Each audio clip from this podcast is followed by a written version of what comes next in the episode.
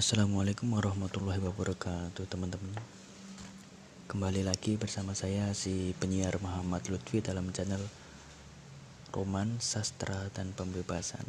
Ya sebagai manusia Kita harus selalu bersikap kritis Jangan sampai apatis Tanggap dan peduli pada keadaan.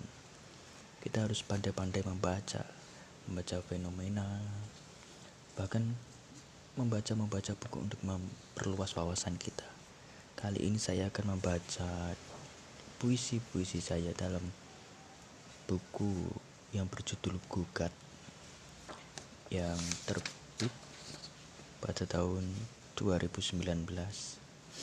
Gugatan ini adalah keretakan suara nurani manusia yang saya coba suarakan sebagai penulis sebagai sastrawan melalui sebuah karya sehingga menjadi buku antologi puisi pribadi saya ini.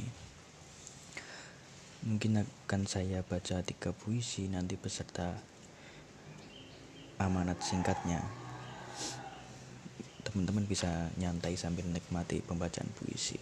Yang pertama berjudul Ketika Suaramu Hilang. Ketika ku basuh wajahku pada kendi, Tempatku melepas dahaga.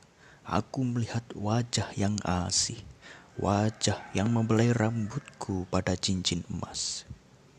Kini suara itu sunyi, meninggalkan hujan dan sepi. Aku sendirian, bagaikan karang yang bermandikan garam, dikunyah ombak dan gerah. Sungguh terasa masam. Wajahku muram, dijilat gagak merah yang kehausan dan lapar. Darahku dikoyak dan terkoyak ketika kamu pergi meninggalkanku pada sebuah rumah.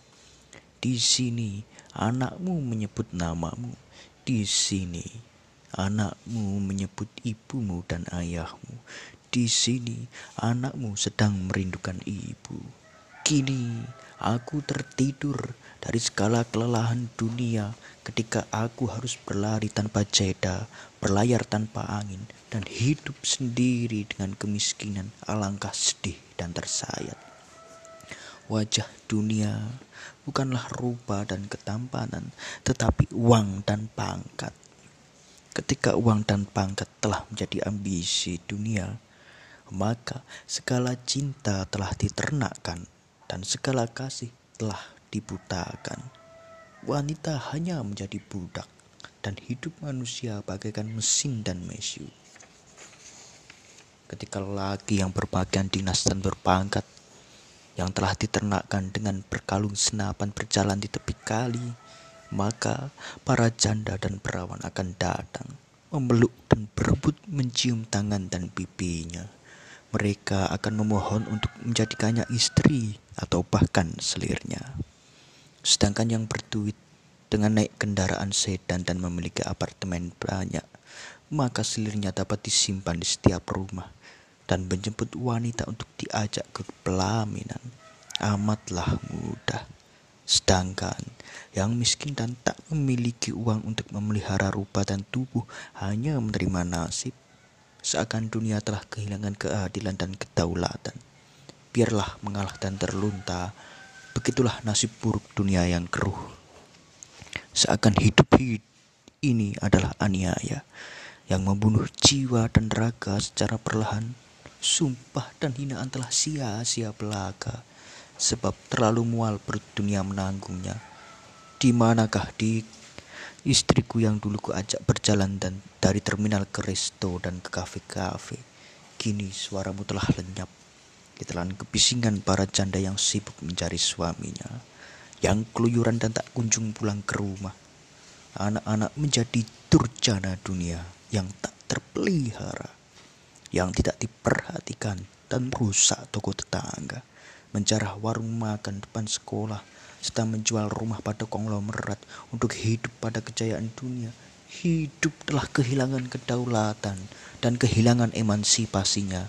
Sungguh dusta dan kekejaman telah dihalalkan tanpa sengaja. Rakyat telah menjadi budak yang tak terpelihara. Lihatlah anak-anak dunia yang terlantar, tanpa bapak, tanpa ibu.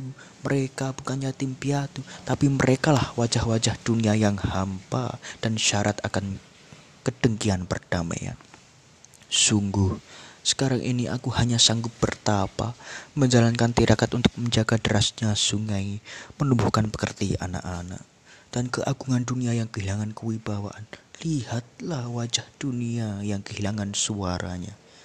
Solo 15 November 2019. Ya, amanat dari puisi tadi tergantung pembaca dan pendengar menginterpretasikan maknanya. Sebab sastra sendiri ada multi interpretasi bisa bermakna ganda makna pembaca bisa berbeda dengan makna penulis. Kalau menurut saya pribadi, pesan dari puisi tadi, dunia ini dilihat dari materi secara objektif tanpa kita mau mengerti secara subjektif. Secara subjektif yang saya maksud harus dilihat secara nurani, akhlak dan moral. Anak-anak di kota, kehidupan di urban mulai kehilangan moral karena apa? Karena mereka mencontoh dunia digital yang globalisasi, yang benar-benar tanpa halangan dan filterisasi, mereka tidak menjadi selektif, sehingga itu bebas ala-ala barat. Sungguh kehidupan dunia yang pongah. Mari kita baca puisi yang kedua ini yang berjudul Surat Perak dari Teluk Pengasingan.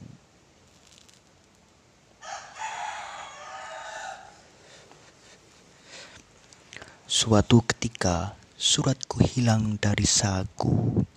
Aku mencari di korong-korong. Ku timbun diri dengan pasir. Ku intip rumah kura-kura dan penyu beranak di balik gerang-gerang dan landak laut yang berduri. Tak kutemui juga suratku sampai berlumur memar di racun ubur-ubur laut. Suratku kini hilang. Aku tulis saja dalam surat itu tentang suatu pengasingan di pulau penyu. Aku menaiki punggung penyu, menyeberang dan kabur dari perang agar nyawa selamat dan bertemu lagi dengan kamu, cuitaku hanya sebuah pohon pepaya yang kubawa jauh dari seberang. Kalau mau menengok dan melihatku, maka lihatlah sebuah pohon pepaya tumbuh di tengah pulau penyu. Kekasihmu masih ada di situ. Dua bulan purnama, aku lalui sepi. Laut mengarungi daratan, dan ombak memecah tebing. Gemuruh debur ombak memekik suara jiwaku. Daun kelapa kujadikan tenda penolong sudah kunyalakan suara teriakan, minta tolong pada perahu yang lewat, tak sepintas pun menoleh pada aku. Ataupun pada pesawat para serdadu yang melintas, tak seorang pun memberi bantuan kemari. Aku tulis suratku padamu cuitaku. Kalau kamu selamat dari peperangan, kemarilah dan tengok aku. Bawalah perahu dengan layar terkembang, lalu kita sama-sama kembali pulang. Aku masih di sini di Pulau Penyu, sendirian merindukan kamu cuitaku. Aku tulis surat ini biar diantarkan pelaut yang menonggak mercusuar karena camar enggan pun menengok. Aku tulis surat ini padamu cuitaku. Pati 25 November 2011 Ya kalau dari puisi yang kedua ini pesan ringkasnya tentang seorang yang pergi jauh dari kekasihnya karena melaksanakan kewajiban dan dia merindukan kekasihnya sehingga sampai nekat mengirimkan sebuah surat yang dia masukkan dalam botol kemudian dia percaya pada harapan dan nasib serta tekad dan usahanya supaya surat itu sampai kepada kekasihnya kita lanjut pada puisi ketiga ini. Aku kira Aku kira hidup miskin itu biasa. Ternyata orang miskin mengeluh karena sengsara dan menderita. Aku kira hidup kaya itu enak. Ternyata orang kaya mengeluh karena terlalu banyak keinginan. Aku kira jadi preman itu enak. Ternyata seorang preman mengeluh kalau dia ingin bertobat. Aku kira jadi orang alim itu enak. Ternyata orang alim mengeluh karena takut dalam kesesatan dan kesombongan. Aku kira jadi pegawai negeri itu enak. Ternyata pegawai negeri mengeluh kalau cuma jadi bawahan sia-sia saja. Aku kira buruh pabrik itu biasa saja. Ternyata buruh pabrik mengeluh kalau upahnya tidak cukup untuk hidup satu bulan. Aku kira jadi petani itu enak. Ternyata petani mengeluh kalau bahunya rasanya mau patah karena menyanggul tanah. Aku kira jadi cukong itu enak. Ternyata cukong meluh mengeluh kalau dia bingung beli modal untuk dipasarkan. Aku kira jadi serdadu itu enak, ternyata serdadu mengeluh kalau dia kesepian saat bertugas. Aku kira jadi seorang pahlawan itu enak, tetapi pahlawan mengeluh kalau perjuangannya tak dilanjutkan. Aku kira jadi pengembara itu enak, ternyata pengembara mengeluh kalau dia bersedih tak ada teman. Aku kira jadi orang yang populer dan dikagumi itu enak. Ternyata orang-orang itu mengeluh kalau siang malam selalu sibuk. Aku kira orang berkeluarga itu enak. Ternyata mereka mengeluh kalau takut tak bisa mendidik anak. Aku kira jadi orang terpelajar itu enak. Ternyata mereka takut kalau lulus tak dapat kerja. Ternyata hanya kira, kira, kira, kira, dan kira-kira. Solo 26 November 2019. Ya, kalau dalam puisi yang ketiga ini pesannya mungkin sudah gamblang, sudah jelas. Kalau hidup itu hanya memperkirakan saja, kira-kira saja. Kalau belum dijalankan, belum tahu bagaimana rasanya menghayati hidup yang penuh makna ini, penuh warna, tata warna dunia ini. Ya, teman-teman begitu